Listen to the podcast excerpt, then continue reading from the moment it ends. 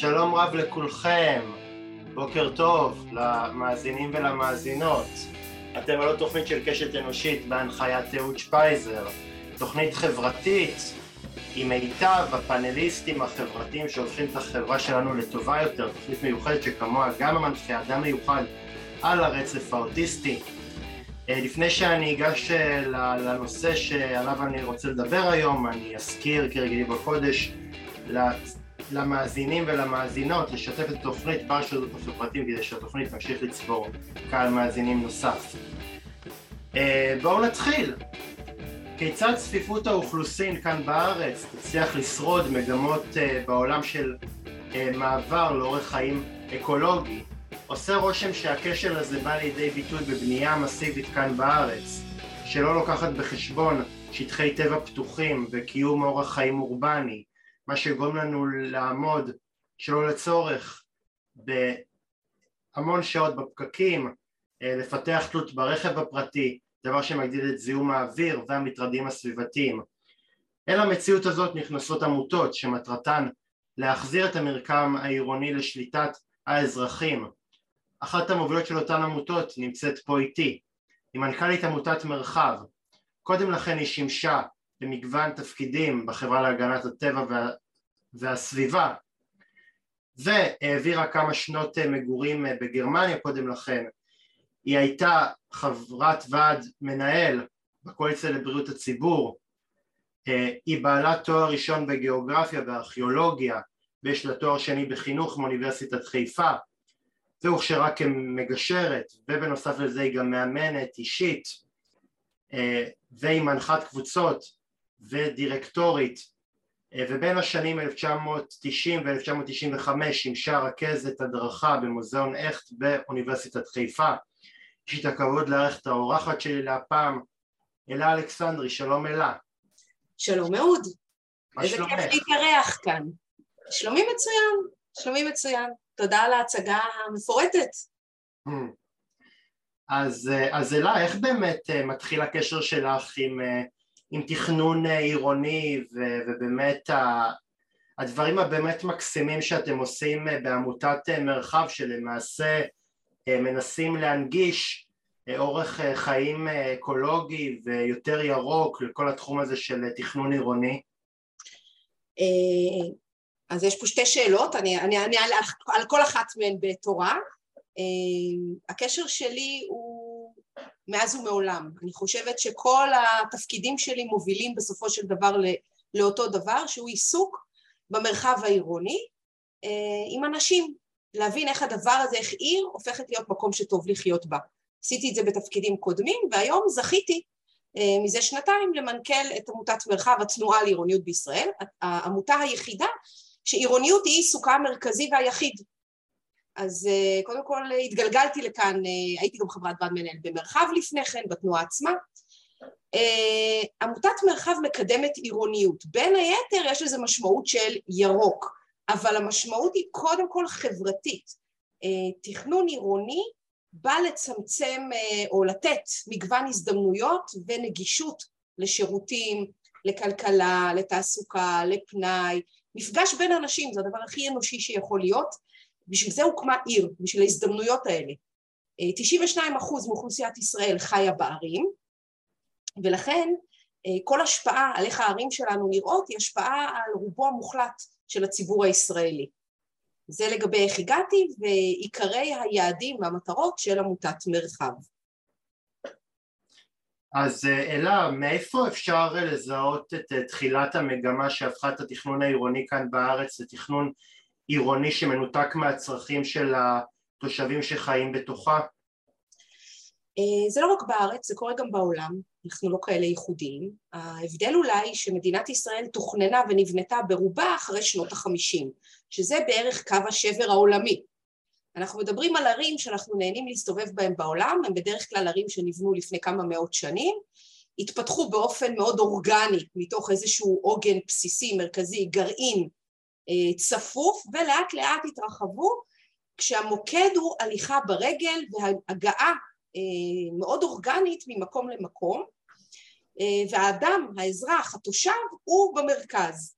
מה שקרה אחרי שנות החמישים, לא רק במדינת ישראל, אף אחד לא הולך פשוט לבקר את השכונות המודרניות בערים מודרניות או עתיקות באירופה או בארצות הברית, אנחנו תמיד נחזור לערים הוותיקות כי שם באמת יותר נעים, קנה המידה הוא מדבר אלינו, אפשר להגיע, יש לנו שירותים במגוון אפשרויות במרחק הליכה, שזה הדגש המרכזי. אני כן רוצה להתייחס למה שאמרת לגבי צפיפות. ישראל צפופה. ישראל צפופה היום, והיא לא צפופה מספיק דרך אגב בבנייה שלה, פשוט הבנייה והתכנון והבנייה בעקבותיו הם פשוט לא מוצלחים. שוב, זה לא ייחודי לנו. ישראל היום היא משהו כמו עשרה מיליון אנשים, והיא צפויה לשלש את מספרה עוד בימי חיינו. לשלש את מספרה עוד בימי חיינו. זה המספר שמרחף מעל כל החלטה שמתקבלת, אה, ואני לא יוצאת מנקודת הנחה שאנשים שמתכננים באו לעשות לנו רע. הם לא באו לעשות לנו רע. אבל הם הקריבו, ויתרו, רצו מהר ושכחו את האדם שבמרכז, ומאז שנות החמישים, שוב רוב התכנון והבנייה בישראל הם אחרי שנות החמישים, אה, מוטי רכב. כלומר, לקחנו את הרע שברכב אה, ואז תכננו לפיו רוחב הכביש וחנויות מחוץ למרכז העיר, אז צריך להגיע אליהם, אז צריך מגרשי חנייה, זה מין מעגל שמזין את עצמו והוא רעב תמיד, כלומר אין לזה פתרון. הפתרון הוא בתכנון שחוזר אחורה, לא צריך להמציא את הגלגל, הגלגל כבר הומצא, לחזור לתכנון שמתייחס לעקרונות מאוד פשוטים. ממש פשוטים, הליכתיות, אה, מגוון צמתים, עירוב שימושים בזהירות הנדרשת, לא כל שימוש מתאים לכל שימוש, כל מה שאני אומרת כרגע הוא דורש פירוט ופירוק וזהירות והתאמה למקום ולטופוגרפיה, אבל העקרונות עומדים בעינם. את חושבת, את חושבת שאחת הבעיות זה שדברים אה, התקבלו או החלטות התקבלו אה, מתוך אה, כוח האנרציה, מתוך אה, זה שמדינת ישראל נאלצה בשלבי הראשונים להתמודד עם גל עלייה מאוד מאוד מסיבי ולחפש להם פתרונות מאוד מאוד מאוד נקודתיים שלא תמיד לקחו בחשבון גם את המרחב האורבני שבו האוכלוסייה הזאת חיה ונמצאת אני חושבת שאז גם, והיום, לא, לא בדקתי את נושא האנרציה, אבל אז וגם היום אנחנו סופרים יחידות דיור ולא סביבות חיים. והגיע הזמן שנעבור להסתכל על סביבת חיים ועל איכות התכנון ואיכות החיים שאנחנו מייצרים ולא על כמות יחידות דיור. זה שני דברים מאוד מאוד שונים ואני יכולה בהחלט להבין את מי שמשלמים לו כדי לספור יחידות דיור ושהכי זול וקל ובהיר זה אה, לשכפל מודלים קיימים, בלי להתאמץ, מודלים קיימים עכשוויים, כן? בלי להסתכל על מה עבד אה, מאות, מאות שנים אחורה. אבל את יודעת, אלה, נראה לי שזה, שזה לא מספיק רק אה, לבחון את כמות הבנייה, אלא יותר אה, נראה לי לשלב גם אה, מודל שהוא יותר אה, מספרי, לח, לחקור איפה תרבות המחיה ותרבות הדיור מצליחה יותר ולדעתי אני, לא שאני אי פעם גרתי בפרברי העיר ולא שאני אי פעם גרתי בשכונות החדשות האלה שבונים ובדרך כלל מהרשמים שלי אם הייתי עובר לשם אז אולי רוב הסיכויים שהייתי מהר מאוד נפלט מחוץ למקומות האלה, כי לא נראה לי שאלה מקומות שעומדים בסטנדרטים של איכות אה, מחיה, אבל לדעתי פשוט, אה, את יודעת, יש, אה, יש מחקר, יש ידע בתחום הזה, נראה לי שפשוט אפשר לערב בתחום הזה של תכנון עירוני יותר מחקר ויותר מה שנקרא בחינה אמפירית של הדברים, של איפה יותר כיף וכדאי לחיות ולא רק לפי שיקולי קרקע ושיקולי uh, בנייה? השיקולים האלה מוכרים וגם ידועים, המחקר מתקיים.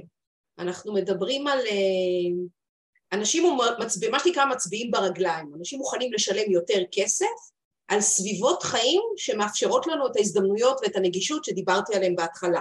זה מוכח באופן הכי uh, בהיר. אבל מכיוון שאנחנו אה, צמודי, בתפיסה שלנו, צמודי רכב, רוצים משפחות גדולות עם הרבה ילדים, שניים, שלושה ילדים, זה מה שנחשב אוכלוסייה שלה מתכננים, אנחנו מתכננים אה, דברים מאוד אה, חזרתיים, מאוד משעממים. בסוף אנחנו משכפלים את אותו דבר, דירות גדולות, אה, בנייני H כאלה, עם מגרשי חנייה מסביב, אנחנו עברנו לתהליך שנקרא איזור, שזה הפרדה, תחשוב על גוף האדם, אנחנו יצור מאוד אורגני, תחשוב על גוף האדם ותפרק אותו, תגיד הראש צריך להיות במקום אחד, הרגליים במקום אחר, הידיים במקום, שום דבר לא מחבר בין שום דבר, ואתה צריך כל הזמן לנסוע, אתה רוצה לחשוב? לך, לך לצד של הראש, לך לשם, תיקח לך זמן או תיסע לשם, זה מה שעשינו לעיר, פירקנו אותה, את הדבר הזה שהוא אורגני, שאמור להיות משולב, מדבר אחד עם השני, משרת אחד את השני, פירקנו אותו. אז אנחנו, וזה, וזה משהו שקרה בעשרות שנים האחרונות, כלומר זה לא משהו שהעירוניות הייתה בו אה, בעבר הרחוק. כן, העירוניות היא נושא רב-ממדי, והיא מאוד מורכבת, זה קל לחפש את הפתרון, ובוא נעשה ככה וככה וככה, והעקרונות הם מאוד פשוטים. עיר צריכה להיות מקום מפגש לאנשים, אה, ולאפשר להם הזדמנות ונגישות לכל מה שצריך, נגישות, אה, תרבות, פנאי, רפואה, שירותים כאלה ואחרים, תעסוקה וכו' וכו', ולמגוון של אנשים. מי הם האנשים האלה? גם אנשים שעובדים, גם אנשים שלא עובדים, גם אנשים בעלי צרכים מיוחדים, גם אנשים אה, שאינם בעלי צרכים מיוחדים, גם גברים, גם נשים, גם ילדים, גם מבוגרים. התכנון היום, או הערים שלנו היום, לא נותנות מענה לחלק מאוד גדול מהאוכלוסיות האלה. כן. ואני חושבת שזה העניין, והוא חלק מהבעיה ששכחנו לשאול אנשים. שכחנו לשבת איתם ולהבין מה הם צריכים יום-יום. אלה, כמי שהייתה בגרמניה במשך שנים, איזה השראה לקחתם מהאופן שבו התכנון העירוני עובד שם? אני גרתי בכמה ערים, חלקן טובות יותר, חלקן טובות פחות. הנושא של נגישות מאוד גבוהה לכל השירותים שלי, השתמשתי רק באופניים, וגם בישראל ברוב המקומות זה אפשרי, ומיד יגידו לי שבגרמניה קר והם מזיע, לא מזיעים וכו', בסדר, אבל קר ויש שלג וגשם. כלומר, תמיד יש הסברים ותובנות, יש לזה פתרונות, אה, לא במצבי קיצון אולי, אבל אה, ברוב השנה אפשר בהחלט לעשות שימוש מיטבי בהליכה ברגל, וזה מה שעשיתי, אם לקחתי מזה משהו, זה את הנגישות המאוד גבוהה לשירותים, את העירוב הזה של השימושים, תחבורה ציבורית 24/7, אני אגיד את זה אין סוף פעמים, אה, תחבורה ציבורית יעילה, אפקטיבית, איכותית, שאפשרה לי לא להשתמש ברכב, כי לא הייתי צריכה.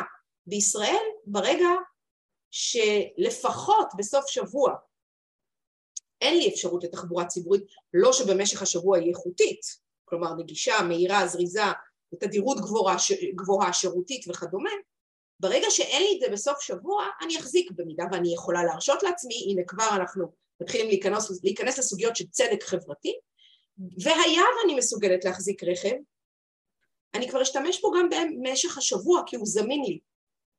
ואז אנחנו שומעים אנשים מתלוננים על זה שאין להם חנייה. מצוין שאין חנייה. אנחנו תוך עשר שנים, חמש עשרה שנה, הרכב יהיה משהו מאוד אנרכוניסטי, או לפחות ככה אני רוצה לקוות.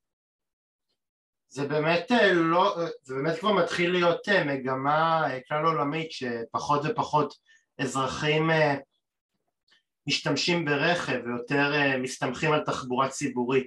כאן בארץ נראה לי אנחנו פספסנו בענק את המגמה הזאת, זאת אומרת אנחנו מאוד מאוד מאוד מעודדים, גם אם אנחנו, גם אם זה לא הבונטון של הממשלה, אנחנו עדיין בתכנון שלנו מעודדים ישראלים שהיו מאוד מאוד שמחים להיפטר מהפרייבטים ולא לנסוע שעות בפקקים, אנחנו מעודדים אותם אה, להמשיך להסתמך על רכב פרטי, זאת אומרת אנחנו לא מעודדים אותם יותר לזנוח אותו, אנחנו מגבירים את התלות שלהם ואת הרצון שלהם להגיע לכל מקום ברכב פרטי וזה גם, אה, הלוואי וזה היה רק אה, בשבתות שאין תחבורה ציבורית, אני מדבר איתך גם על זה שבשעות מסוימות, בלילה, בערב, אין, אין תחבורה ציבורית זמינה, זאת אומרת יש אבל באיכות שהיא הולכת ויורדת ונהיית פחות ופחות זמינה ככל שמתקרבים לשעה חצות.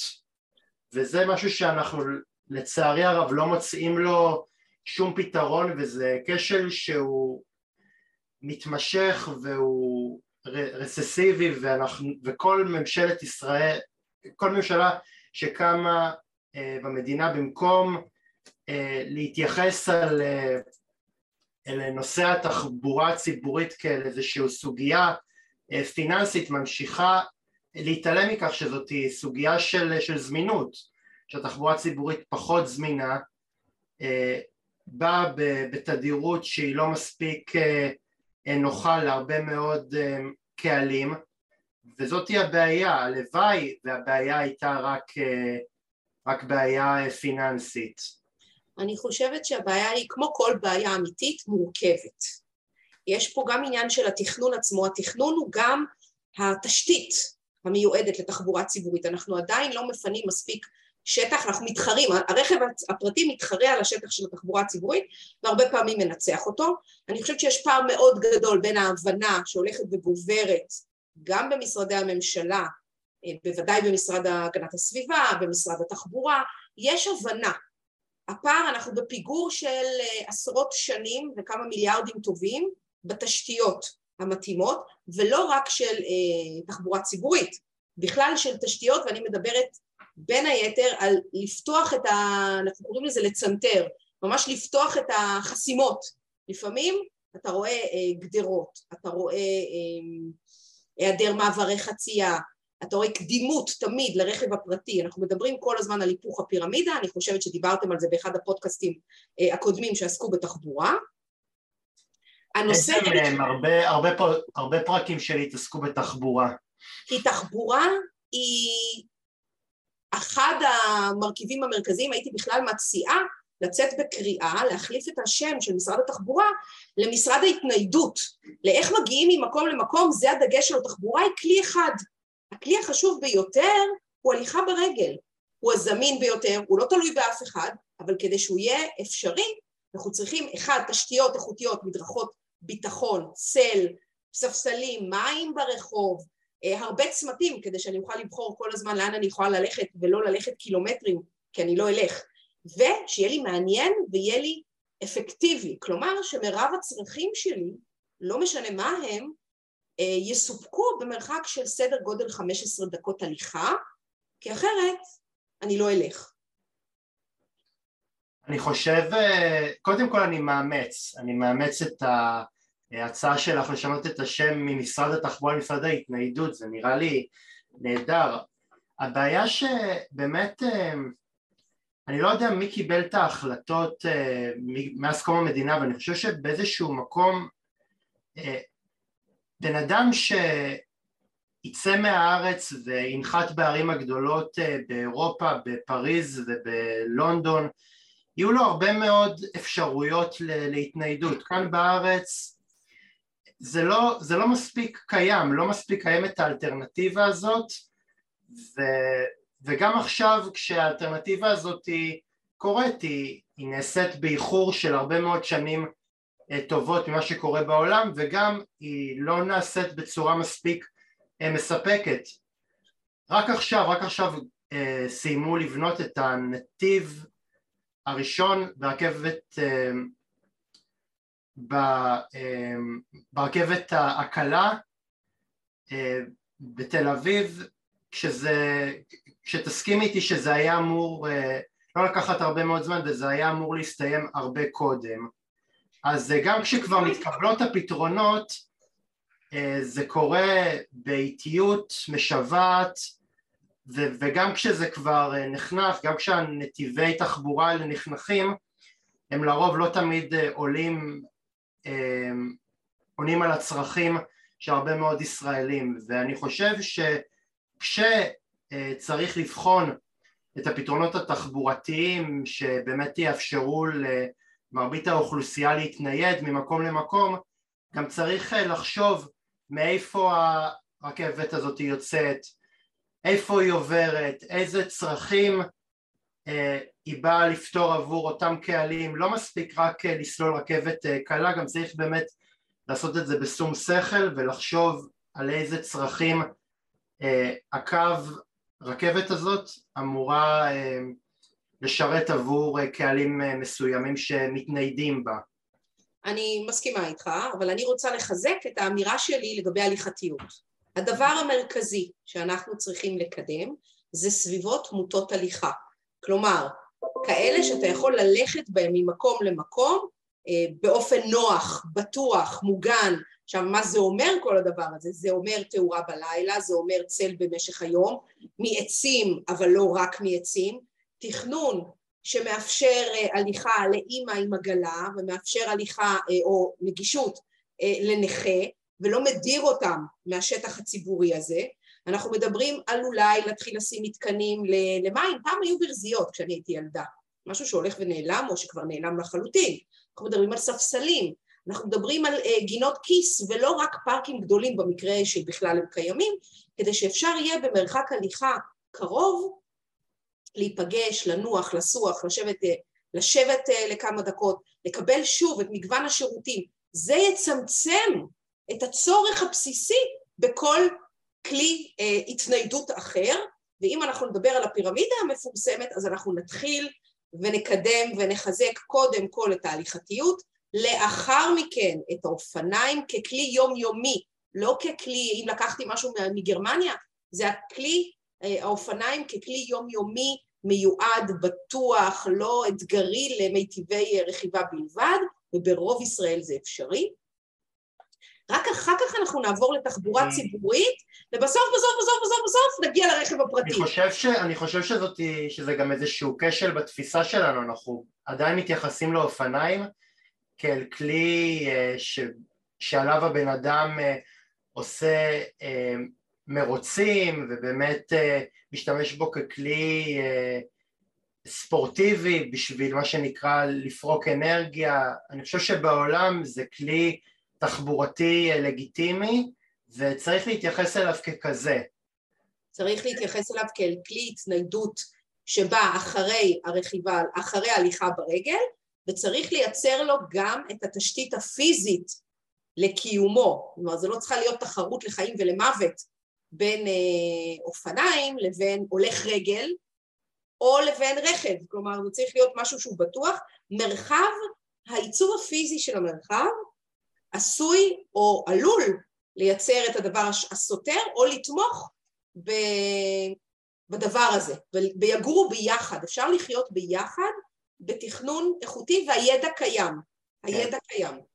הבעיה היא שהרבה פעמים אה, נתיבי האופניים בנויים ככה שאני יכול לסכן הולך, הולך רגל, מכיוון שזה לא תמיד ברור הנתיב של האופניים, זה הרבה פעמים אה, מעוצב ככה שיש אה, לכל היותר מין איזשהו קו צהוב ודהוי כזה שעליו אני אמור אה, לנסוע והרבה פעמים אה, אני עלול לסכן הולך רגל ש... שהרבה פעמים יכול לא להבחין באותו קו צהוב ודהוי והרבה פעמים אני יכול בטעות לדרוס אותו אז יש פה כל מיני עניינים. קודם כל אני רוצה לחזור רגע להליכתיות ואנחנו נחזור גם לאופניים כמובן. גם באופניים וגם בהליכתיות אנחנו צריכים רציפות, כלומר היכולת ללכת ברצף, כי אם אני הולך ופתאום זה קטוע ואין לי לאן להמשיך, זה מסוכן, אנחנו מדברים על המקום המוגן, גם באופניים, גם ה, אה, היכולת לרכב, ברוב המקומות בארץ היום, אם בכלל יש שבילי אופניים, והם קיימים בכמה ערים, אז הם צבועים בצבעים זרחניים למדי, אני לא, זה, זה אולי אפילו עניין של טעם אישי, לא נכנסתי לזה, אבל יש, אה, אני מכירה שבילים שלא צבועים בירוק זרחני, אבל אני לא פוסלת אם זה מה שיעזור. אני כן חוזרת לדברים שלי בהתחלה, שעירוניות זה נושא רב-ממדי. רק תכנון לא, לא ייצר לנו את העירוניות הטובה, צריך להוסיף לזה קהילה וחינוך. כלומר, כשאתה מדבר על זה שאנשים לא יודעים ומסתכלים על זה ככה, אתה מדבר על תפיסות. את התפיסות האלה שהתקבעו בארץ בעשרות השנים, אה, קשה מאוד לשנות, אבל זה האתגר שלנו. אה, גם. אלא איפה כושלים אה, מתכנני הערים ביכולת שלהם לזהות מגמות של, התחש... של התחדשות עירונית, כפי שהמגמות האלה קורות בעולם? אני נזהרת מהצהרות שכאלה, כי זה, יש לנו מתכננים שהם עובדים במגזר עסקי, ואז הם, יש להם את הידע ואת הרצון, חלקם אנשים מצוינים, ועם זאת מערכת התכנון היא כל כך קשה. הרגולציה, החוק בישראל הוא בלתי נסבל, הוא עשוי טלאים טלאים שחלקם סותרים זה את זה, מה שמפרנס הרבה מאוד עורכי דין, אז יש לנו אה, אתגרים שלא קשורים רק לתיאוריה, הם קשורים לפרקטיקה, הם קשורים לכלכלה ולאיפה אפשר לקבל אה, הלוואות ועבור מה, זה קשור לעל מה סופרים במערכת הפורמלית הציבורית, על מה מודדים את, את המתכנן, האם מודדים אותו על איכות, האם מישהו מסתכל על האיכות, או מסתכל רק על הכמות. על הכמות. אני חושבת שלהגיד כשל זה מילה מאוד חזקה, יש כשל משמעותי, והוא נובע מהעובדה שזה קצת יותר מסובך מתיאוריה בלבד. אה, תראי, אני אולי אה, קצת החמרתי כשהשתמשתי במונח כשל, אבל הייתי אומר, הייתי משנה את המשפט מכשל לחסרונות ובאמת אה, בתחום הזה אני באמת חושב שיש איזה שהם אה, חסרונות. אה, אם הייתי עורך דין או לכל היותר אדריכל הייתי יכול באמת לבחון את הטעויות האלה ברמת הפרקטיקה אבל היות ואני לא כזה אני רק יכול להסתכל על, ה, על האופן שבו מתכננים ערים ולראות אה, באיזשהו מקום את החוסר אה, מעוף, את ה, באיזשהו מקום הלקוניות, את השעמום שהרבה פעמים מאפיין אה, תכנון עירוני כאן בארץ. ואני, ואני בהחלט שואל את עצמי אם זה, אם זה איכות החיים שאנחנו רוצים לתת לזוגות צעירים עם ילד? כי הרי בסופו של דבר כשאני חושב על זוגות צעירים אני, אני מדמיין לעצמי שהילד שלהם בסופו של יום ירצה אה, לרדת אה, לפארק, לגינה, אה, להיפגש עם החברים שלו, הרבה פעמים ירצה ללכת למוסדות התרבות הקרובים לבית שלו, והרבה פעמים זה דירות שממוקמים רחוק למדי מכל האופציות האלה, אז אני הרבה פעמים חושב שלא לא ככה הייתי רוצה לגדול ולא ככה הייתי רוצה לחיות. אני מסכימה איתך לא לגמרי. ואני גם לא חושב שזה קורץ לזוגות אה, צעירים לחיות במין גטו כזה שהוא אה, רחוק מכל אה, עוגן תרבותי קהילתי כזה או אחר. אתה צודק בכל מילה שאתה אומר, אני חושבת שהחסרונות מתחילים מההכשרה, בעיניי ההכשרה, ההכשרה למתכנני ערים בישראל לוקה בחסר. אני לא יודעת כמה מלמדים אותם על האתגרים הכלכליים, על האתגרים של שיתופי פעולה, על הצורך בפשרות, על הצורך בניהול שיח, על הצורך ואיך עושים שיתוף אמיתי משלב א', שבו מסמנים את קווי המתאר הראשוניים ביותר של יישוב, או איך אנחנו עושים התחדשות שמנצלת את העוצמות הקיימות במרקם קיים ומשפרת את מה שדורש שיפור. כל הדברים האלה בעיניי לא נלמדים או בכלל או לא מספיק, אנחנו ממשיכים הלאה, ואיזה סוג של מכרזים אנחנו רואים, ואיזה סוג של דרישות יש מהמשרדים, האם מישהו דורש מהם להתעדכן, ללמוד, לבוא עם העוף? לא, דורשים מהם בדרך כלל יחידות ומחיר. אז הם מייצרים מחיר זול, זה שכפול של מה שקיים, אז זה מינימום עבודה, ואני לא מזלזלת בעבודה של האדריכלים, חס וחלילה.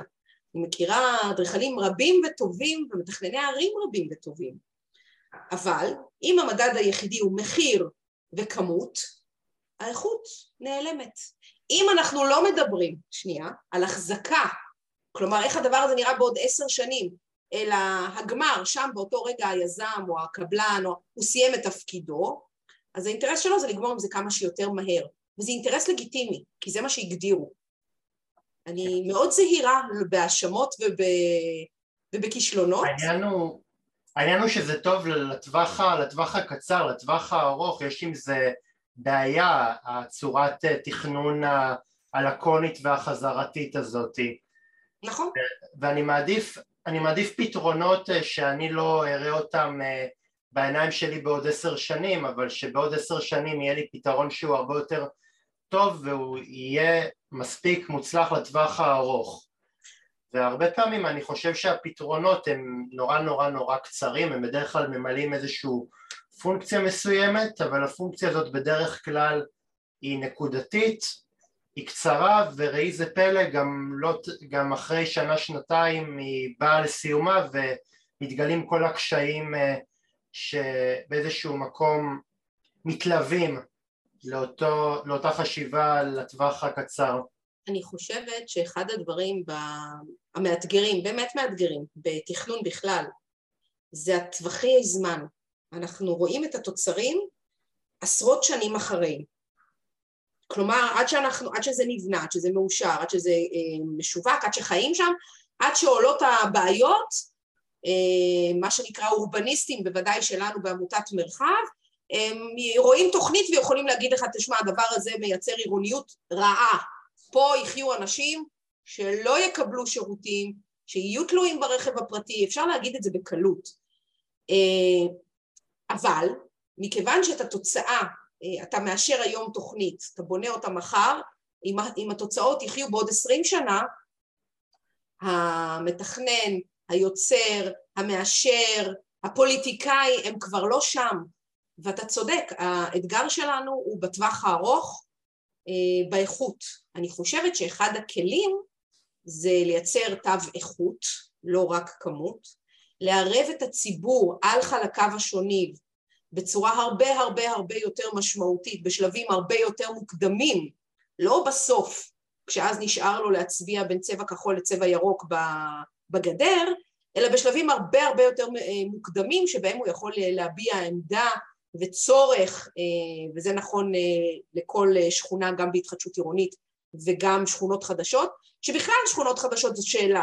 אנחנו כאמור הולכים לשלש את שטחי כמותנו, ואנחנו צריכים את השטחים הפתוחים בחוץ כי הם חלק מהקיום שלנו, יצרני אוויר, יצרני חלחול מים, חקלאות, רפואה, הכל יושב שם.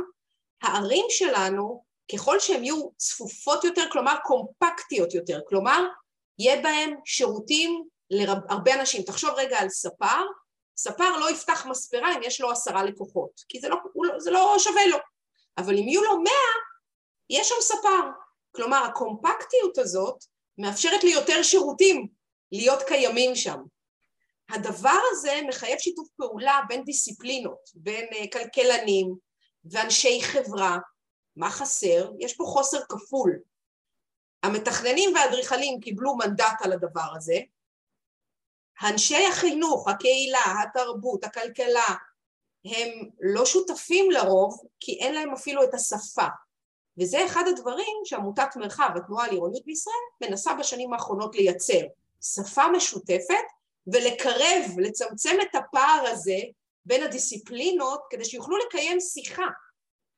פוריה לטובת המרחבי חיים הטובים האלה שאנחנו מדברים עליהם. אלא אה, עוד נושא שעמותת מרחב אה, מתעסקת בו זה באמת אה, שימור של, של מבנים ציבוריים ורציתי לשאול איזה פתרונות אפשר להציע כיום שיצליחו לעודד שימור מבנים במקום להרוס את המבנים הישנים ולבנות במקומם מבנים חדשים שיפגעו במרקם העיר? אני חושבת, א', בהגדרה אנחנו לא עוסקים בזה כמהות, ויש ארגונים אחרים אולי שנוגעים בזה, ולא כל דבר ראוי לשימור, יש כמה דברים שראוי בהחלט לא לשומר. נשאלת השאלה מה כן, כדי שנשמור על הזהות שלנו, אנחנו מדברים על מבנים ציבוריים שמהווים חלק מהזהות, אז אותם אנחנו נרצה לשמור, הם חלק מהסיפור שלנו, אנחנו מדברים על זה שעירוניות זה רב-ממדי, הזהות שלנו, כשאתה מדבר על שימור, שימור אני מניחה שאתה מדבר על מבנים אייקונים, שיש להם איזה ערך סיפורי או... לא, לא רק, לא כן? רק. לא רק, אני גם חושב שיש אה, כל מיני אה, חנויות מאוד מאוד מעניינות מתקופה אה, שבה אנחנו עוד הלכנו לסנדלר כשרצינו שהוא יתפור לנו חור בנעל או לצורך העניין איזושהי מסעדה שהיינו אוכלים בה שיש לה איזושהי מורשת שאתה יכול לספר שסביבה מתפתחים כל מיני סיפורים עסיסיים על זה שדור המייסדים אכל שם את השניצל או את, ה, או את המרק כן. גולש, כל מיני אנחנו, סיפורים כאלה. זה נהדר הסיפורים האלה, אנחנו אוהבים אותם, אנחנו גם צריכים אותם, הם חלק מהזהות של המקום, המקומות האלה יש לרשות המקומית כל מיני כלים, הם לא בהכרח, בהכרח כלים של תכנון, אלא כלים אחרים שיש לרשות מקומית כדי לייצר, לייצר ולשמר מגוון של עסקים מקומיים. בכלל, כלכלה מקומית, שבדרך כלל אתה, מה שאתה מתייחס אליו זה מה שנקרא כלכלה מקומית, זה עסקים קטנים, מקומיים, עם איזושהי אה, זהות מאוד מובחנת. המקומות האלה הם כלכלה מקומית, אנחנו בעמותת מרחב בהחלט חושבים שהם חלק משמעותי מאוד בעירוניות, אה, מרחבי חיים שטוב לחיות בהם, בסביבות חיים. כדי לעשות את זה אנחנו צריכים לייצר אה, שטחים בגודל שמאפשר אותם. אם אנחנו מייצרים רק שטחי מסחר גדולים, אנחנו בעצם, מה אנחנו אומרים? חברים קטנים וחמודים ומקומיים שלנו, לכו מפה. אנחנו רוצים פה את הרשתות הגדולות שלא מחויבות לשום דבר חוץ מלבעלי ההון, ששוב, זה אולי לגיטימי, אבל זה מייצר עירוניות פחות מוצלחת. תראי, תראי, כשאני הייתי בווינה, יש להם איזשהו בית קפה שנקרא קפה אה, דימל, שזה קפה, שזה בית קפה שהוא שומר על אותו אה, תפריט ועל אותו אה, קהל לקוחות קבוע כבר הרבה מאוד שנים, הוא, הוא, הוא נפתח במאה ה-19, תחשבי כמה שנים הבית קפה הזה עומד, אני חושב שאנחנו צריכים אה, להנחיל את המורשת הזאת כאן בארץ, שזה שבית עסק נותן שירות הרבה מאוד שנים, שומר על הצביון שלו, יש לו קהל לקוחות קבוע, זה לדעתי לא עניין של מה בכך, וזה לפעמים הרבה יותר אה, מעניין ומגוון מאשר איזשהו מבנה שפעם, אני יודע מה, פעם, הייתה בו תחנת המשטרה הראשונה, היה בו איזשהו בית ספר אה, ראשון, זה לדעתי אה, לא פחות חשוב ולא פחות אה, אה, מעניין ומספר סיפור מאשר כל המבנים הישנים האלה שהיה להם איזשהו אה, סטטוס מנדטורי מהימים של קום המדינה. אה, זה לא סותר אחד את השני, החנויות הקטנות שהן בדרך כלל חנויות משפחתיות, מתמשכות, שותפויות מקומיות, עסקים קטנים ויש לא מעט עסקים קטנים, פה אנחנו כבר נכנסים מצד אחד לתכנון שלהם, כלומר איך אנחנו מייצרים מרחב שמאפשר להם קיום, אבל גם הניהול של המרחב הזה מחייב. אנחנו מדברים על פה, על ניצחון הקניונים, שבעצם מה הם עשו הקניונים? הם לקחו את הרחוב המסחרי, שהוא העוצמה בעיר, והכניסו אותו למבנה סגור ובעצם פרטי, הוא שייך למישהו, אנחנו נכנסים דרך שער ושומר, מה שאין לנו ברחוב, אנחנו נכנסים למרחב מלאכותי לחלוטין, לדיסנילנד, אנחנו נכנסים ללה-לה-לנד, אנחנו לא במקום אמיתי, שמנסה לדמות רחוב. מה אנחנו רואים בתוך קניון? אנחנו רואים כאילו שדרה, רחוב, חנויות, ותשים לב ששם בקניון הזה יש חנויות אה, הרבה פעמים קטנות וצפופות כדי שיהיה מעניין ללכת, את הדבר הזה צריך לאפשר ולתכנן ברחוב. חנויות שקיימות ושורדות מהסוג שתיארת, יש לרשות מקומית אה, או צריך, צריכה לייצר לעצמה כלים לעודד את החנויות האלה או את בעלי החנויות האלה לשרוד. לפעמים הכלים הם אה, תקנות מקומיות, לפעמים זה לעזור להם להתאגד כקבוצת כוח אה, לטובת שילוט חדש או תאורה ובטיחות ונגישות, הדברים חוזרים על עצמם. בעל חנות קטנה אה, יישאר כל עוד שווה לו להישאר. אנחנו רוצים להמשיך ולחזק את היכולת שלו לשרוד. אנחנו לא יכולים להכריח אותו לעשות את זה. אלה, אה, כחיפאית, איך היית מנסחת את כשלי התכנון העירוני בעיר חיפה ואיך אפשר לשפר אותם? כרגיל, אתה שואל שאלות ממש ממש קשות. הלוואי שהיו לי תשובות לכל השאלות האלה. אה, אני לא התחייבתי לתת חיים קלים למרואיינים לא, לא, חס וחלילה, שאלות קשות זה מצוין, גם אני אוהבת שאלות קשות, אני רק לא מבטיחה תשובות. קודם כל חיפה מאתגרת, יש לה כמה אה, היבטים ייחודיים משלה, כמו שלכל יישוב יש את הייחודיות שלו. חיפה התפתחה או הגיעה לשיא זוהרה אה, בתקופת המנדט, בתקופה שהיא הייתה עיר נמל באימפריה. 48 חתכה את הקשר של חיפה עם האימפריה והעבירה את המשקל למרכז, כלומר לתל אביב שצמחה והתפתחה כמובן עוד בתקופת המנדט, אבל הבוסט הגדול אה, נהיה אחר כך. אנחנו מדברים על חיפה שהיא בטופוגרפיה מאוד מאתגרת, וזה נתון שהטבע אה, זימן לחיפה, יש לו יתרונות, יש לו אתגרים מאוד גדולים. אה, ההתיישבות שעלתה מהעיר התחתית ויש פה היבטים חברתיים מאוד רציניים. איפה חיה אוכלוסייה מסוימת שרצו להתרחק ממנה, אז בנו למעלה. ואז יש בחיפה את מה שאנחנו קוראים לו האנורמליה, וזה משתנה לאט לאט. אחד זה העובדה שיש לנו את הרכבת שחוסמת את כל אה, שכונות החוף מהנכס המרכזי האפשרי עבורן שהוא החוף. שוב, במובן הזה זאת רכבת, אבל היא ניצחה את התושבים. הקדימות היא שלה. אם תושב בחיפה רוצה להגיע לים, הוא צריך או לנסוע ברכב הפרטי, או באוטובוס, או אם הוא גר במרחק הליכה בקו אווירי, הוא צריך לרדת מתחת לאדמה במין מנהרה, שכמובן אין באופן רציף, אה, כדי להגיע. כלומר, ניתקו את רצועת השכונות חוף מהנכס המרכזי שלהם. מעבר לזה, הטופוגרפיה מאוד מקשה על אה, נגישות ורציפות בנייה, מרקם בנוי רציף, ונוצר אה, עקב המבנה הטופוגרפי מה שנקרא שכונות בלון על הרכס, כאלה שיושבות על שלוחות של הכרמל, וכל אחת מהן יש לה יציאה אחת בדרך כלל לציר מוריה, אין יותר מדי או בכלל שירותים, נגישות, הזדמנויות, תעסוקה, כל מה שדיברנו עליו בתוך השכונות, ולכן עירוניות טובה או מרחבי חיים עירוניים, עיר יכולה להיות עם, עם אה, עירוניות מחורבנת, עם מרחב אחד מסוים שהוא עירוני מצוין, ויש בחיפה מרחבים כאלה. אזורים מסוימים בהדר, העיר התחתית מתפתחת ככזאת. יש שינויים, חלקם הם תכנוניים, דיברתי קודם על הצנתור הזה, על היכולת לפתוח, לפתוח את החסימות של הנגישות, הנושא של תחזוקת השבילים, המדרגות, חיפה זה עיר של מדרגות, לפתוח אותם, להנגיש אותם, לדאוג שהם יתוחזקו כמו שצריך. אני חושבת שבחיפה זה לא רק תכנון מאתגר, והטופוגרפיה, וקצת הניסיון בשנים, ה...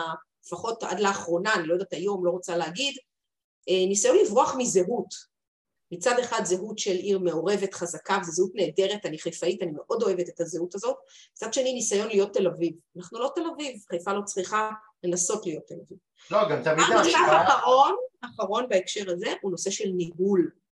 עיר זה תכנון, זה בנייה, זה קהילה, זה ניהול. ניהול ושותפות. אני חושבת שבדברים האלה חיפה לוקה באופן מהותי אה, יש אה, שנים שיותר, יש שנים שפחות, היא לוקה חזק מאוד בניהול. גם, אה, גם תראי, גם איך מנהלים עיר כזאת עם כל כך הרבה כשלים ובעיות מרקם זהותי מאוד מאוד מאוד מסובך, מצד שני גם טופוגרפיה שלפעמים, מה לעשות, זה מה שנתנו לחיפה, שזה מצד אחד עיר שממוקמת באחד, ה...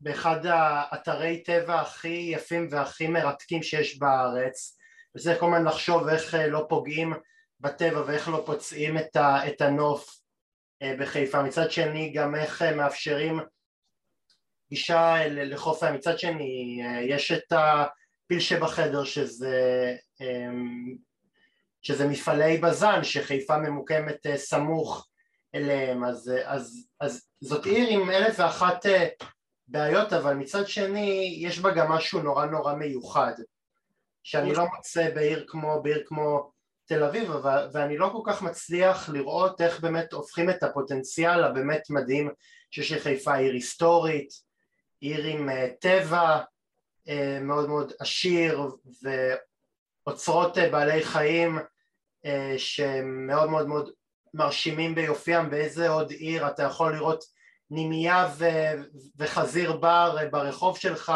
רק בחיפה, אז באיזשהו מקום... אני לא בטוחה שהחיפאים כל כך נהנים מהחזיר בר.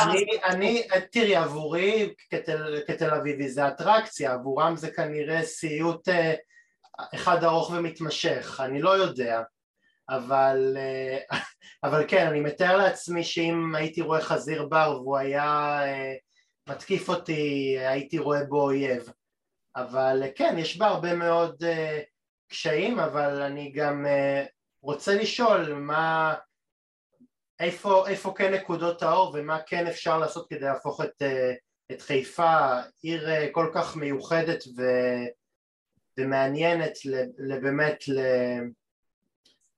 לאיזושהי יריבה שבאמת נותנת fight לתל אביב. אני לא בטוחה שחיפה צריכה לתת fight לתל אביב. אני בסדר גודל של מדינת ישראל, אני לא בטוחה שיש מקום ל, ל, ל, למנוע כלכלי כזה נוסף. לחיפה יש את הייחוד שלה והיא צריכה להשתמש במנופים הכלכליים שיש לה, שהם גם האתגר וגם ההזדמנות שלה, שזה המפעלים, ויש לנו פה עוצמה, חלקם אה, טובים, חלקם פחות. אני לא חושבת שבגלל המפעלים אנשים לא גרים בחיפה, נדיר, אה, אבל אני לא באה כרגע לדבר על המפעלים, אנחנו מדברים על המרחב האורבני. אני חושבת שחלק מהעניין זה מנהלות שכונתיות, זה עירוב הרבה יותר משמעותי של התושבים, זה תכנון שנותן מקום ובמה לעסקים הקטנים המקומיים, מחזק את הזהות המקומית. אנחנו מדברים על תחזוקה ויצירה של שבילים, הליכה, אה, שבילי אה, גשרי עץ בין, אה, בין שכונות, מוארים, בטוחים, מונגשים, מתוחזקים, חלק גדול מאוד זה הנושא הזה של ההחזקה, ומאוד מורכב לתחזק עיר כמו חיפה, בגלל הטופוגרפיה שלה. אז אני חושבת שהתשובה היא, שוב, מורכבת, אפשר לשפר משמעותית את החיים בחיפה, חלק מזה זה התכנון אה, שפותח ומייצר הליכתיות, הרבה הרבה יותר שירותים בגובה העיניים, במרחק הליכה, אה, לרוב השכונות והתושבים, ויצירת פתרונות אה, נקודתיים, ויש כאלה, מיני אה, רכבים, היו גם ניסיונות כאלה בעבר שנעצרו מסיבות כאלה ואחרות. ולשאול ולשתף, אף אחד לא, לאף אחד אין את כל התשובות. אני חושבת שזה חלק מהעניין. אלא רחובות מסחריים זה הלב הפועם של כל עיר ובאמת הזכרתי את, ה, את החנויות הישנות הלא מסחריות שבאמת אה, הקסם שלהם והחן שלהם זה באמת באותנטיות שלהם. אה, רחובות מסחריים זה הלב הפועם של כל עיר כחלק מתופעת הפרבור אה, מלא רחובות מסחריים סובלים מבעיה בגלל היעדר הנגשה ציבורית איזה פתרונות יש אה, כיום להנגיש את פרברי העיר לרחובות מסחריים? אני חושבת שהפתרונות הולכים לכיוונים אחרים. אחד, לייצר באזור של הרחובות המסחריים אה, יותר יחידות מגורים. אנשים צריכים לגור. עסק מתקיים אם יש לו לקוחות. רחוב מסחרי מתקיים אם יש אה, מגורים משמעותיים באזור. מי שגר בפרברים צריך לקבל גם הוא לייצר סביבת חיים טובה יותר באזור שבו הוא חי.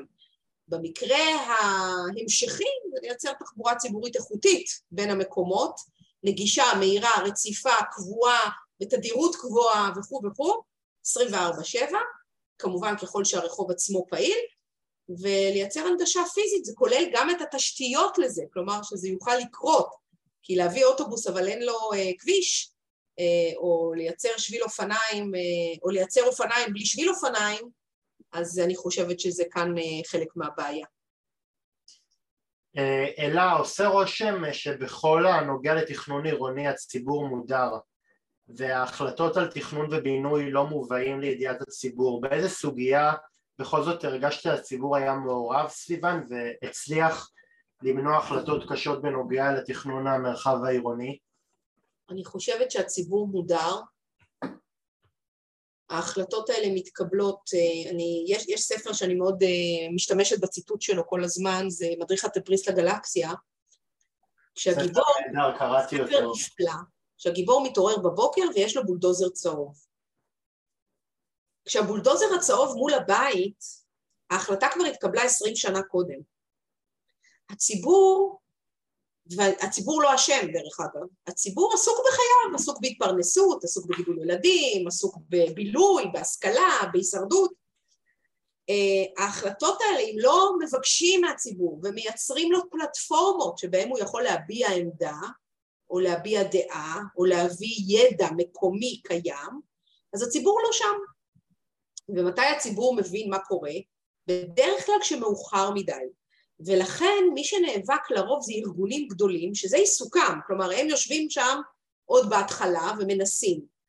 Uh, על כל uh, מאה כישלונות יש אולי הצלחה אחת, אני בעניין הזה מצד אחד אופטימית, אחרת לא הייתי עושה מה שאני עושה. מצד שני זה סיזיפי, זה לגלגל את, ה, את הכדור הזה במעלה ההר והרבה פעמים להתרסק תחתיו, כי אנחנו, כי ההחלטות מתקבלות הרבה יותר מוקדם. וכשאנחנו מגלים עליהם זה מאוחר מדי. מה שאנחנו צריכים לדרוש זה ייצוג קבוע בחוק של למשל ארגוני חברה ורווחה במוסדות התכנון, כלומר מישהו שיושב איפה שמתקבלות ההחלטות בזמן אמת, יודע לדבר עם ארגוני חברה ורווחה וקבוצות רלוונטיות באוכלוסייה ולהביא את התובנות ולהסתכל על התוכניות ברוח זו, אה, מה שדרך אגב ידעו לעשות הארגונים הסביבתיים לפני עשרים שנה. אה, זיהו את הוועדות האלה שבהן מתקבלות ההחלטות, ועדות ארציות, ועדות מחוזיות, אה, שם מתקבלות ההחלטות האלה, והיום הציבור לא נמצא שם בכלל. נראה לי, ש, נראה לי שגם בעקבות רפורמת הבנייה והתכנון המצב של הציבור מבחינת התפקיד שהוא ממלא בקבלת ההחלטות דווקא הוא רע, אנחנו רואים הרבה פעמים מקרים כמו בוא נגיד פרויקט הולילנד המפלצתי בירושלים, שבאמת החלטה, אה, שבאמת אה, בהינף אה, יד או באבחה אחת בנו את המפלצת הרב קומתית הזאת באחד המקומות הכי יפים בירושלים בלי, בלי לשאול בכלל את הציבור. ולדעתי המצב כיום מאפשר בנייה של עוד מפלצות אה, בנייה כאלה שהם לדעתי אה, רק, אה, אנחנו רק נראה אותם יותר ויותר בנוף שלנו וזה באמת מטריד אותי לחיות במדינה שיש בה כל כך הרבה מבנים מהסוג הזה. אז אני זוכרת שחזרתי באחת הפעמים מגרמניה וראיתי ממש פתאום את מגדלי חוף כרמל. הם לא היו שם כשנסעתי והם היו שם כשחזרתי כמה שנים אחר כך. אמרתי, מה לכל הרוחות הדבר הזה? זה בדיוק העניין. ההחלטות מתקבלות הרבה לפני שהציבור יודע. מערכת התכנון, ואמרתי את זה בתחילת דבריי, החוק מאוד מיושן והוא בנוי טלאים טלאים. המקום היחיד היום בחוק שהציבור יש לו אפשרות אה, להגיב היא שלב ההתנגדויות. שלב ההתנגדויות, שים לב, זה כבר סמנטיקה, קודם כל בהגדרה אתה לא יכול להגיד וואו איזה תוכנית מגניבה, אני רק רוצה שתעשו ככה וככה. התוכנית סבבה, לא. ההגדרה היא אני מתנגד. כלומר, קודם כל שמו את הציבור במקום שבו הוא מתנגד. וגם השלב שבו הציבור יכול להתנגד, תכף נדבר על זה, הוא שלב מאוחר, אחרי שכבר תכננו והחליטו ועשו המון שעות עבודה, תחשוב על משהו שאתה עובד עליו המון זמן, ואחרי שאתה כבר עבדת ובאמת השקעת מדמך, כספך, זמנך, פתאום מישהו מתנגד, אתה כבר יש ביניכם איזה יחסים לא טובים, אתה לא בא ביחד בשותפות לתכנן טוב יותר, אלא הוא מתנגד לך, אותי שמו במקום של מתנגד, ואני בכלל לא התנגדתי, אני רציתי להגיד מה אני, מה אני בעד. אבל אמרו לי, את מתנגדת, וזה גם המקום היחיד שאת יכולה להגיד, אתה, שהתכוונת בסך הכל לטוב לצורך... זאת אומרת, הוא מוטה, זה, זה מוטה התנדבות, אה, התנגדות. קודם כל זה לא מוטה, זה מוגדר בחוק, זה לא רק מוטה, זה אחד. שתיים, וואו, כדי להגיש התנגדות אתה צריך להבין, אתה צריך שפה, אתה צריך להבין מה אתה אומר, מה אתה רואה, אתה צריך זמן, פניות, אה, ורוב הציבור, כמו שאמרתי, לא שם. אז הוא לא שם פעם אחת בתחילת הדרך, כי אף אחד לא הזמין אותו להיות בשולחן. יש שולחן, אבל אף אחד לא הזמין אותו לשולחן ולחדר. זה אחד. שתיים, כשיש לו הזדמנות להתנגד בחוק, לא בהכרח יש לו את הכלים לעשות את זה. כי אף אחד לא אמר לו איך עושים את זה. ופה אני שמה את האחריות גם על הרשויות המקומיות, גם על המחוקק, גם על המוסדות, יצירת הפלטפורמות למעורבות ציבורית בתכנון העירוני היא חובה מבחינתי, כן, חובה מוסרית של המוסדות, של הרשויות, והיא זכות לבחירתו של התושב. שתי עמדות שונות לחלוטין. אלא לקראת אה, סיום, איזה ערך מסוים רכשת אה, כמישהי שההכשרה האקדמית שלה היא לא מאדריכלות מכך שאת פועלת במשך שנים לצד אדריכלים ומתכנני עיר? אמ, אני חושבת שהשאלה היא גם הפוכה, זה הולך לשני הכיוונים. אני חושבת שאני גיאוגרפית, כלומר יש לי עניין של תפיסה מרחבית, אני באה מהמקום שאומר גיאוגרפיה, מרחב פיזי נתון, מה קורה בו ואיזה אה, אינטראקציות ואיזה שכבות יש עליו. מצד שני אני מגיעה מהעולם הזה של אה, ארכיאולוגיה, שאני אומרת זה העולם של הזהות, של ההיסטוריה, של הסיפור, זה הנרטיב, תפיסה כזאת של נרטיב, והחינוך שזה תפיסה חברתית. אני חושבת שאני אה, מגיעה, למדתי המון, כלומר יש המון דברים שנאמרו כאן על ידי, שגם אם ידעתי אותם באופן אינטואיטיבי קודם, למדתי אותם באופן הרבה יותר, אה, לתת להם מילים ושם ומשפטים ושפה, ולתת להם את המושגים הנכונים, כתוצאה מהעובדה שאני עובדת עם אדריכלים ומתכננים וכלכלנים אורבניים ומשפטנים ואנשי מקצוע בתחום העירוניות, עד כדי כך שאני היום אה, אורבניסטית, כלומר אני היום מגדירה את עצמי כאשת מקצוע בעולם הזה, מכיוון שהמצרף אה, של הידע ב-20 השנה האחרונות שצברתי בעבודה בערים ועם אנשי מקצוע שעניינם ערים, כולל אנשי קהילות ואנשי חינוך, וזה גם הפוך. אני מביאה משהו אליהם. כשאני יושבת עם סטודנטים בטכניון ואומרת להם עם מי אתם עובדים, איך אתם מנהלים משא ומתן, איזה אמון אתם מייצרים, אלה מושגים שדיברנו על הכשלים בתחילת השיחה שלנו, על כשלים אצל אה, אנשי מקצוע, הרבה פעמים הכשלים האלה יושבים על מיומנויות, אה, שלא ממש מדברים עליהם, מדברים איתם שוב על כמות, לא על דרך, לא על איכות. אני חושבת שכאן יש לי ערך מוסף בכיוון ההפוך. אני, אני חושב שדווקא אנשים אה, כמוך וכמו אנשים שאת עובדת איתם זה דווקא אה, לנסות לשנות ולהוציא את התכנון העירוני מהקיבעון שלו ואני רוצה גם להגיד עוד משהו זה אני לפעמים אומר טוב מאוד שיש את המשבר האקולוגי הזה כי הוא מזמן לנו הרבה מאוד הזדמנויות לצמוח מהם וגם מזמן לנו הרבה מאוד מקצועות ותחומים שלא חשבנו בכלל שהם יכולים אה, שהם יכולים אה, להופיע, נגיד אנשים שמתעסקים בקיימות, אורבניסטים, אקולוגים, כל מיני אנשים שלא חשבנו לפני כמה שנים שיכולים להיות מקצועות כאלה הגיעו והגיחו לעולם שלנו והם עושים פלאים בעולם, בעולם המקצועות. מקצועות ונולדים מצורך. כן. אנחנו אנשים, האנושות היא סגלתנית. אני כן אגיד מילה בעניין הזה על תפקיד החברה האזרחית. החברה האזרחית, NGOs, Non-Governmental Organization, התפקיד שלה הוא לסמן דרך. לא בהכרח יש לנו את כל התשובות, אבל אנחנו יודעים להגיד, לשם צריך לכוון.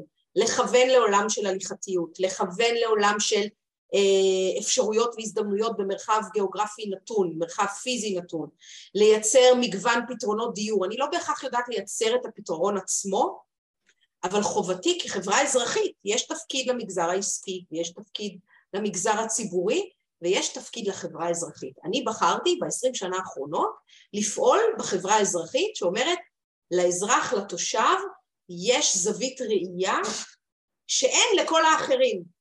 היא לא, יותר, היא לא, אה, וחשוב לקחת אותה ולתת לה את המקום שלה. אז במובן הזה אנחנו מביאים קול מאוד חשוב, ייחודי, עמותת מרחב בוודאי בעולם העירוניות עושה את זה כבר 17 שנה, ואנחנו נמשיך לעשות את כל מה שתיארתי כאן עם מעל 50 מתנדבים מהאנשים הטובים ביותר בתחום בארץ, שבאים הרבה פעמים מהתסכול ואומרים, אני רוצה להשפיע, בשדות אחרים אני לא מצליח, זה מקום שבו אני או לא מצליח מספיק, לא שלא מצליח, יש אנשים שעושים עבודה נהדרת, אבל אני רוצה עוד משהו. אני רוצה את המקום המיוחד הזה, וזה החברה האזרחית. אני מנצלת את ההזדמנות הזאת, אה, מי שמעוניין להרחיב ולדעת, חלק מהתפיסה שלנו של להנגיש את הידע, אה, הוצאנו לפני, ממש לאחרונה, קורס דיגיטלי, ממש זמין. אפשר להיכנס ולשמוע סדר גודל של 30-34 הרצאות, אני אפילו לא זוכרת את המספר המדויק, הרצאות של טובי המומחים בישראל בנושא הזה, וזה מרתק, וזה בגובה העיניים, אה, וזה סופר מקצועי ואיכותי, ומיועד לא רק למתכננים ואדריכלים, להפך, להפך, למי שמעוניין לייצר לעצמו שפה. דיברנו על החשיבות של השפה. אז... אה, אלה לסיום, האם את אופטימית לגבי ההתעוררות של הפתרונות של הערים בנוגע לסוגיית צפיפות האוכלוסין והשלכותיה על התכנון העירוני כאן בארץ? התשובה הקצרה תהיה לא, והתשובה הארוכה תהיה כן.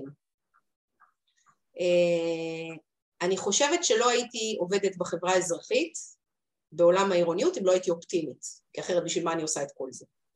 אני חושבת שאנחנו יצור סגלתן, יצירתי, העיר היא יצירה אנושית. היא יצירה אנושית, האדם יצר אותה. ולכן באחריותנו וביכולתנו לעצב אותה נכון, לצרכנו, ושום דבר הוא לא אה, בלתי הפיך בעניין הזה, ולכן האופטימיות שלי.